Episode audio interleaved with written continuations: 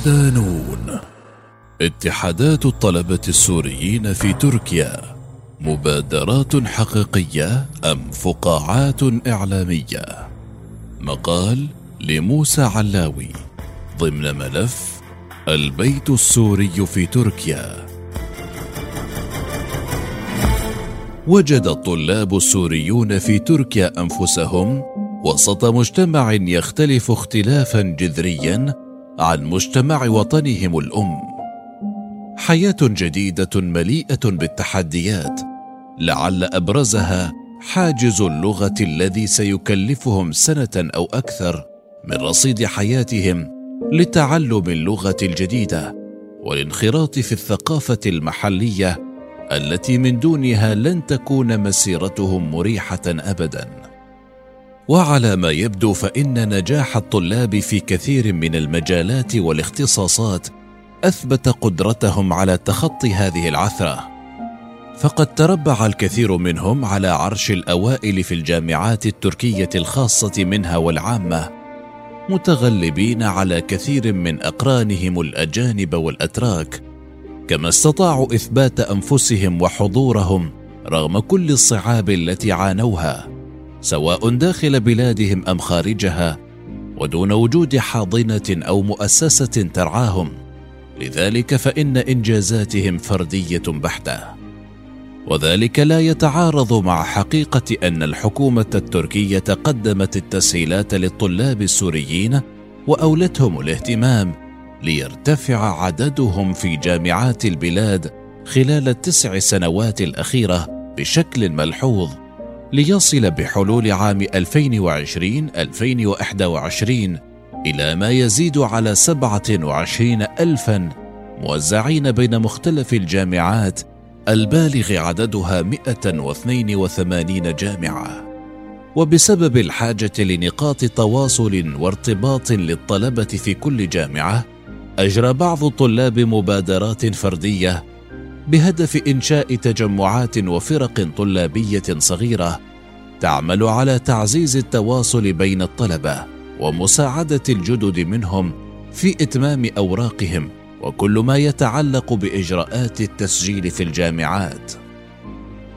مع ازدياد أرقام الطلاب والحاجة إلى تجمع كبير يجمع بينهم ويعزز حضورهم ويجعل لهم مركزا بين التكتلات المدنية على الأراضي التركية. تشكل نشاط طلابي كبير من مختلف الجامعات تحت مؤسسة واحدة كي تكون الممثل الرئيسي والناطق الرسمي باسمهم. فبرز حاليا اتحاد الطلبة السوريين الأحرار بالإضافة إلى ملتقى الطلبة السوريين في تركيا. وهما محور حديثنا في هذا التقرير ضمن ملف البيت السوري في تركيا. أبرز التجمعات الطلابية السورية في تركيا.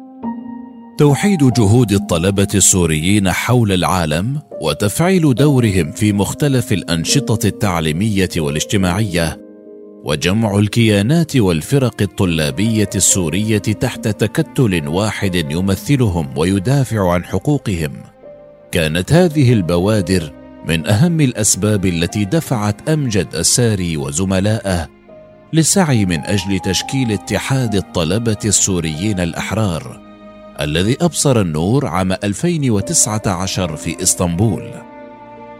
عرفت الهيئة التأسيسية الاتحاد بأنه منظمة نقابية طلابية منتخبة مستقلة في قراراتها، نيابية في هيكليتها، تستمد شرعيتها من القواعد الطلابية في الجامعات، وتتبنى مبادئ ثورة الحرية والكرامة التي انطلقت في مارس آذار 2011 ووفقا لأولوياته المتمثلة في الاستقلالية وعدم التبعية حرص الاتحاد على عدم تلقي أي دعم مشروط من أي جهة.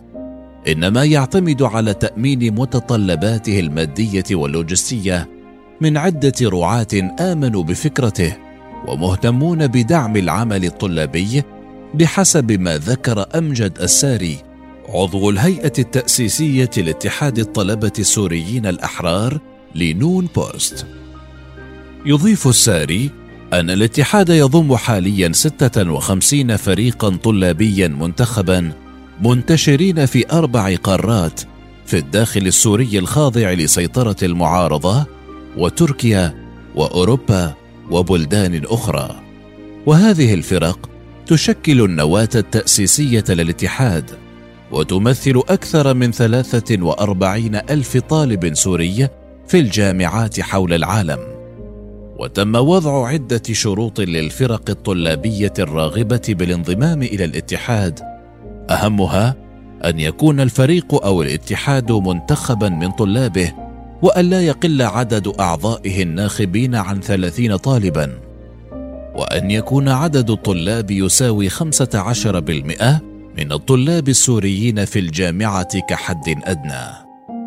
في ذات السياق الحركي الطلابي السوري يبرز ملتقى الطلبة السوريين في تركيا الذي تأسس أيضا عام 2019 في ولاية إسطنبول التركية. وجاء في التعريف الخاص به أنه منظمة طلابية سورية مستقلة غير ربحية تستهدف الطلاب الجامعيين السوريين وتسعى من خلال برامجها ومشاريعها لتكوين منصة فاعلة للشباب تعمل على تمكين وتنمية قدراتهم ضمن بيئة تحيا بقيم العدالة والحرية والكرامة الإنسانية. في حديثه لنون بوست يقول طارق زلق نائب المدير العام للملتقى إن تكتلهم تأسس بدافع تقديم الدعم للطلبة السوريين في المجال الأكاديمي والبحث العلمي. وتوفير مجتمع داعم للطلاب في جامعاتهم يدعم حقوقهم ويساعدهم على تنفيذ نشاطاتهم وتوسعة آفاقهم. ويضم الملتقى في الوقت الحالي أكثر من 200 طالب وطالبة في 29 جامعة تركية بأكثر من 52 اختصاصا. ويسعى الملتقى ليكون مؤسسة حاضنة للطلاب السوريين في تركيا. الأهداف والأنشطة. يتطلع اتحاد الطلبة السوريين الأحرار إلى تمثيل الطلاب السوريين والتنسيق بين الاتحادات الطلابية وتوحيد جهودهم وتحقيق مصالحهم وتطلعاتهم وتعزيز الهوية الوطنية للشباب السوري والرقي بالطلبة السوريين من الناحية العلمية والأكاديمية وتوحيد الحراك السوري في الجامعات داخل سوريا وخارجها. يقتصر عمل الهيئة التأسيسية في الاتحاد في الوقت الراهن على إعداد النظام الداخلي وتنظيم المؤتمر العام الذي سيعقد في الفترة المقبلة وسيتم من خلاله انتخاب إدارة جديدة للاتحاد وهي من سيتولى موضوع تنفيذ المشاريع وتقديم الخدمات للطلبة السوريين بالإضافة إلى التفاعل مع الأحداث خلال الفترة التأسيسية وخاصة الطارئة منها مثل إطلاق حملة السند لتأمين الأقساط الجامعية في الداخل السوري وأيضا متابعة قرارات الجامعات التركية الأخيرة المتعلقة بفرض الأقساط الجامعية على الطلبة السوريين. فكان هناك تحرك من الهيئة التأسيسية للاتحاد من أجل متابعة هذا الأمر مع الجهات المعنية لإيجاد حلول لهذا الموضوع وفقا لما قاله عضو الهيئة التأسيسية لاتحاد الطلبة. وانطلاقا من رؤية ملتقى الطلبة السوريين في تركيا المتمثلة في مجتمع شبابي سوري جامعي مؤثر في صناعة التغيير المجتمعي الحضاري وخدمة القضية السورية والأخوة السورية في تركيا يعمل الملتقى من خلال مشاريعه على تنمية وتطوير إمكانات الشباب الجامعي وتعزيز البناء الثقافي والفكري لهم وتلبية احتياجاتهم واستثمار الطاقة الشبابية في بناء مجتمعه الفاعل والمؤثر وتعزيز انتمائهم للقضية السورية. يضيف زلق بأن المشاريع التي يقوم عليها الملتقى يختارونها بعناية شديدة وبمشاركة الأغلبية من أعضاء المجلس التأسيسي لضمان تحديد الحاجيات الأكثر الحاحا لدى الطلاب وتصميم مشاريع لتلبيتها مثل مشروع تأمين استاجات والعمل الجزئي. الفائدة المجتمعية. لعل من أبرز الصعوبات والتحديات التي تواجه الطلاب السوريين اليوم عدم وجود جهة رسمية تتكلم باسمهم وتسعى لتحقيق مصالحهم. لذلك يأمل القائمون على اتحاد الطلبة السوريين الأحرار أن يكون هذا التشكيل صوتا لهم وكيانا يمثلهم وأن يكون له دور فعال في سوريا المستقبل كجهة نقابية تمثل الطلاب السوريين بشكل رسمي أمام السلطة والرأي العام ويقدم لهم الخدمات التي يحتاجونها خلال فترة دراستهم الجامعية. ومن المشاريع التي يسعى إلى تنفيذها مستقبلا وتعود فائدتها على الطلاب السوريين في شتى أنحاء العالم مشاريع خدمية تعليمية وأكاديمية. وفقا لما قاله الساري كما أنهم سيقدمون برامج تهدف لتطوير مهارات الطلاب وزيادة الوعي لديهم إضافة لزيادة الفعالية الشبابية أيضا والسعي وراء تأمين منح طلابية وتقديم استشارات طلابية ومساعدة الأشخاص الذين يرغبون في التسجيل بالجامعات. وسيبدأ الاتحاد بتقديم خدماته بعد انتخاب إدارته الجديدة خلال المؤتمر العام. فيما يصب ملتقى الطلبة السوريين في تركيا تركيزه في الدرجة الأولى على الجيل الجديد من الطلبة السوريين الذين خرجوا أطفالا من وطنهم ونشأوا في تركيا ويفتقرون إلى الثقافة السورية. وليس لديهم أي ارتباط بالقضية السورية ويعتبرهم الأساس الذي سيعتمد عليه في بناء سوريا الجديدة. ويتطلع الملتقى إلى إيلاء الاهتمام بهذه الشريحة وأن يكون حاضنة فاعلة لهم تعمل على تعزيز الهوية والثقافة السورية لديهم وفقا لزلق. آراء بعدما استعرضه لنا الساري وزلق عن مشاريعهما وأهدافها توجهنا إلى طلاب سوريين في جامعة إسطنبول للاطلاع على آرائهم في هذه المؤسسات الناشئة. فيقول مجد عليان وهو طالب في كلية هندسة الإلكترون والكهرباء التجمعات الطلابية والاتحادات التي أصبحنا نسمع بها مؤخرا ما هي إلا نشاطات فردية موجهة من جهات لا أعلم خلفيتها ودوافعها وأهدافها الخفية.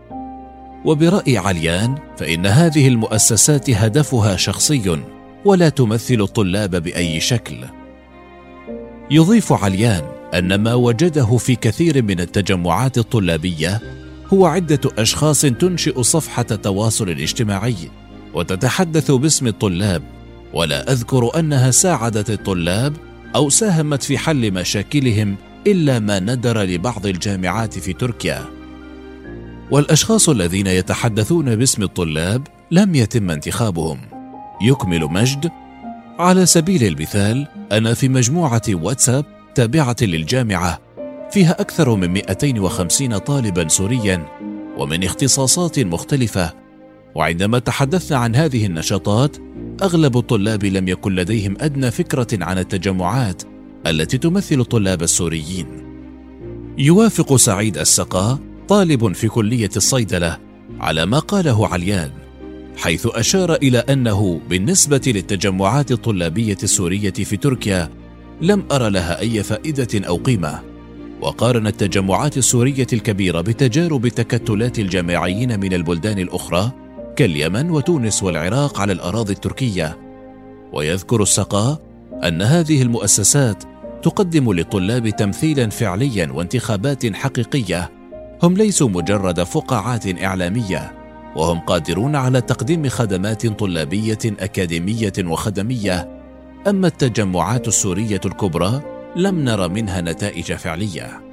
مضيفا ما رأيناه من إنجازات في الجامعات بالنسبة للطلاب السوريين كان فقط نتيجة لعمل التجمعات الصغيرة وليس من تقديم التكتلات الكبيرة الناشئة.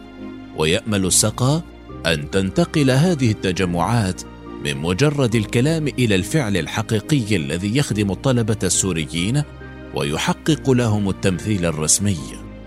بالمحصلة فإن الحراك الطلابي أثبت عبر التاريخ أنه قادر على تغيير مسارات الأحداث في كثير من القضايا كما أنه استطاع في عدد من الدول المشاركة في صناعة تغيير حقيقي على المستويات السياسية والاقتصادية والمجتمعية وعلى ذلك الأساس تحتاج سوريا من أبنائها الطلبة في الخارج أن يكونوا على قدر المسؤولية ليستطيعوا المساهمة في إعادة إحياء البلاد وإعمارها أو على الأقل أن يبنوا جسرا بينها وبينهم كي لا يفقدوا جزءا من هويتهم وثقافتهم بمرور الوقت.